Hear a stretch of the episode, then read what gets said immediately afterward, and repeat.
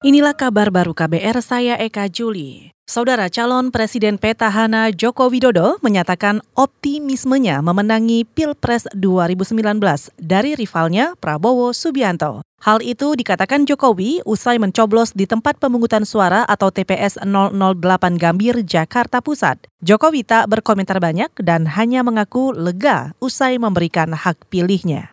Ya, selalu dalam bekerja kita ini optimis terus. Menang ya Pak? Kira-kira menang berapa? Optimis, ya nanti dilihatlah sabar, oh, tinggal berapa jam nanti udah kelihatan. Pak target TPS ini berapa Pak? Nggak tahu. Pak sebelum ke sini tadi ngapain aja Pak? Persiapannya Eh, Pak? Sebelum ke sini apanya? Pak? Surat pemberitahuan Main sama cucu. Ada sama cucu Pak? Janetes atau siapa Pak? Sedah ya Pak kira-kira.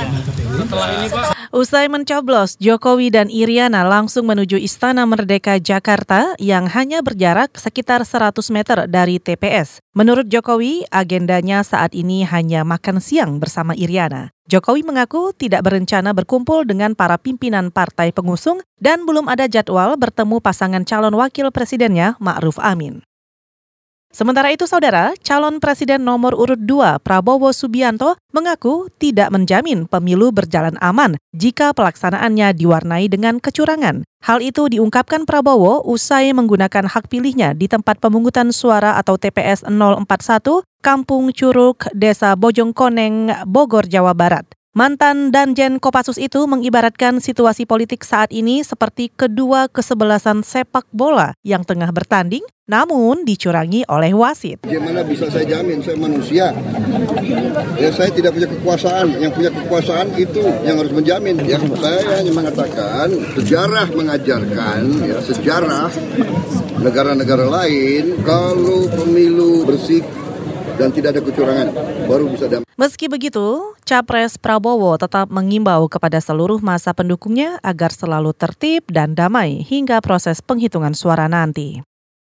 Sebanyak 63 tahanan korupsi di rutan KPK dijadwalkan menggunakan hak pilih di TPS 12. Laporan selengkapnya bersama reporter KBR Mutia dari Gedung KPK Jakarta. Komisi Pemberantasan Korupsi KPK mencatat 63 tahanan akan menggunakan hak pilihnya pada pemilu 2019 di rutan KPK. Para tahanan itu difasilitasi untuk dapat menggunakan hak konstitusionalnya di TPS 012 Kelurahan Guntur Kecamatan Setiabudi, Kuningan, Jakarta Selatan.